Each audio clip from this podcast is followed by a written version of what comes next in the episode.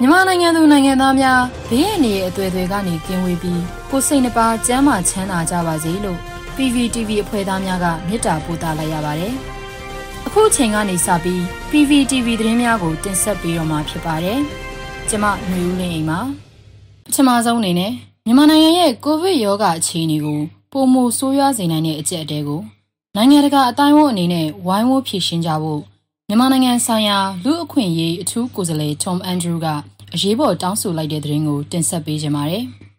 ။မြန်မာနိုင်ငံရဲ့ကိုဗစ်ရောဂါအခြေအနေကိုပုံမဆိုးရွားစေနိုင်တဲ့အကျက်အတဲကိုနိုင်ငံတကာအတိုင်းအဝန်အနေနဲ့ဝိုင်းဝန်းဖြေရှင်းကြဖို့မြန်မာနိုင်ငံဆိုင်ရာလူအခွင့်အရေးအထူးကိုယ်စားလှယ် Tom Andrew ကဇွန်လ14ရက်နေ့ကအရေးပေါ်တောင်းဆိုလိုက်ပါတယ်။ပြင်းထန်တဲ့ Delta မျိုးကွဲကူးစက်ပြန့်ပွားလာတာပြိုလဲနေတဲ့မြန်မာနိုင်ငံရဲ့ကျန်းမာရေးစနစ်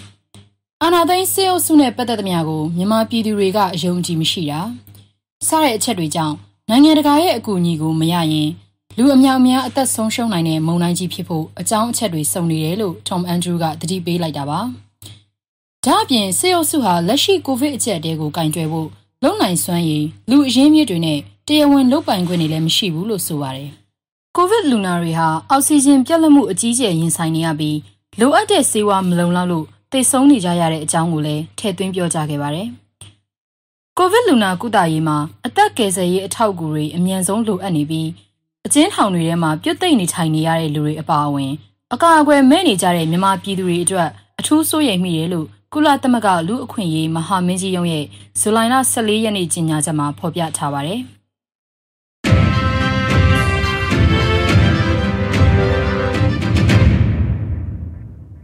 မျိုးသားညီညွတ်ရေးအစိုးရကျန်းမာရေးဝန်ကြီးဌာနကကိုဗစ်လူနာတွေကိုပစ္စည်းကိရိယာမပြည့်စုံတဲ့အနေအထားမှာဘလို့စောင့်ရှောက်ရမယ်ဆိုတဲ့လမ်းညွှန်ချက်တွေကိုထုတ်ပြန်ပေးထားတဲ့သတင်းကိုဆက်လက်တင်ဆက်ပေးမှာဖြစ်ပါတယ်။အမျိုးသားညီညွတ်ရေးအစိုးရကျန်းမာရေးဝန်ကြီးဌာနက COVID-19 ရောဂါတတိယလှိုင်းကိုကာကွယ်ထိန်းချုပ်နိုင်ရေးအတွက်စ조사ဆောင်ရွက်လျက်ရှိရမှာကိုဗစ်လူနာတွေကိုပစ္စည်းကိရိယာမပြည့်စုံတဲ့အနေအထားမှာဘလို့စောင့်ရှောက်ရမယ်ဆိုတဲ့လမ်းညွှန်ချက်တွေကို၎င်းရဲ့အင်တာနက်စာမျက်နှာနဲ့ လူမှုကွန်ရက်စာမျက်နှာတွေကနေထုတ်ပြန်ပေးထားတာကိုတွေ့ရပါတယ်။အဆိုပါလမ်းညွှန်ချက်တွေထဲမှာကျန်းမာရေးစစ်ဆေးပေးပြီးယောဂရာဇဝင်ကိုမေးကအပူချိန်၊သွေးခုန်နှုန်း၊သွေးပေါင်ချိန်အသက်ရှူနှုန်းနဲ့သွေးရဲကအောက်ဆီဂျင်ကိုတိုင်းတာပေးရင်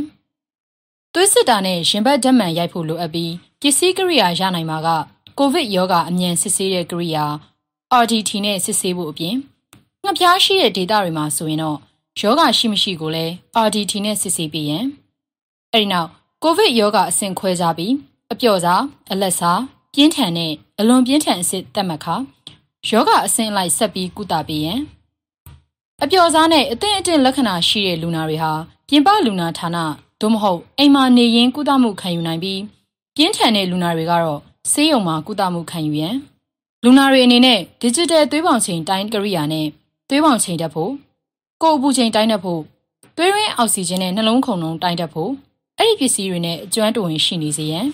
ငကိုယောဂအခန်းရှိတဲ့လူနာတွေကိုယောဂအခြေအနေပေါ်မူတည်ပြီးတောက်လက်ဆဆေးတွေရှိရင်ဆက်တောက်နိုင်ပြီးစီးကြိုသွေးကြိုယောဂရှိတဲ့လူနာတွေကိုလည်းယောဂအဆင့်လိုက်ကုသပေးရန်စတဲ့အချက်လက်တွေပါဝင်ပြီးအသေးစိတ်ကိုတော့အမျိုးသားညီညွတ်ရေးအစိုးရရဲ့ကျန်းမာရေးဝန်ကြီးဌာနတရားဝင်အင်တာနက်စာမျက်နှာ moh.nugmyanmar.org တဲက COVID-19 ခေါင်းစဉ်ခွဲအောက်မှာဖြစ်စေလူမှုကွန်ရက်စာမျက်နှာဖြစ်တဲ့ www.facebook.com/mohnug မြန်မာတို့မှာဖြစ်စေလေ့လာနိုင်တယ်လို့သိရပါတယ်။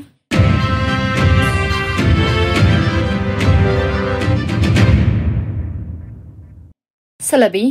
ဆေးအာနာသိန်းကာလအတွင်းကိုဗစ်ကပ်ရောဂါကိုရင်ဆိုင်ကျော်လွှားနိုင်ကြဖို့ဆွေးနွေးမယ့် Facebook Live Discussion ဆွေးနွေးပွဲတစ်ခုကို လာမယ့်တနင်္ဂနွေနေ့မှာကျင်းပမယ့်တဲ့ရင်ကိုတင်ဆက်ပေးသွားမှာပါ။လက်ရှိမှာမြန်မာပြည်သူတွေဟာစစ်ကောင်စီရဲ့ဆိုးရွားရုပ်မာတဲ့မတရားအကြမ်းဖက်မှုတွေကိုထိခိုက်ခံစားနေရချိန်နဲ့တပြိုင်နက်တည်းမှာပဲကိုဗစ်အန္တရာယ်ကိုပါပြင်းပြင်းထန်ထန်ခုခံနေကြရပါတယ်။တဖြည်းဖြည်းပုံမှုဆိုးရွားလာပြီးကုကယ်ရမဲ့ဖြစ်နေတဲ့အခြေအနေမှာတမိုင်းတွင်မဲ့အန္တရာယ်ကြီးနှစ်ခုရန်ကိုတွန်းလှန်နေတဲ့ပြည်သူတွေအတွက်စိတ်ပိုင်းဆိုင်ရာရုပ်ပိုင်းဆိုင်ရာခွန်အားတွေရနိုင်စေဖို့ဆိုတဲ့ရည်ရွယ်ချက်နဲ့ပြည်ထောင်စုလွှတ်တော်ကိုစားပြုကော်မတီ CRPH ရဲ့ ရန်မုံငွေရှာဖွေရေးအဖွဲ့သားတွေနဲ့ Replush CDM တို့ပူးပေါင်းပြီးအခုလိုစီစဉ်တာပါ Defeating COVID Amidst Coup ဆိုတဲ့ခေါင်းစဉ်နဲ့လူငယ်ပညာရှင်တွေဖြစ်တဲ့ကြားပေါဒေါက်တာဖြူတီဟာမက်ခင်နှင်းကြည်တာဒေါက်တာဖြူဖြူတန်းစော်နဲ့မက်ဖြူပန်းနုခင်တို့ကဆွေးနွေးကြမှာဖြစ်ပြီးဇူလိုင်လ18ရက်နေ့ည9:00နာရီမှာ Facebook Live Stream ကနေစောင့်မျှော်နားထောင်နိုင်မှာဖြစ်ပါတယ်။ကျေးဇူးတင်ပါတယ်ရှင်။ Get on board, အောင်ရမည် Get on board, အောင်ရမည်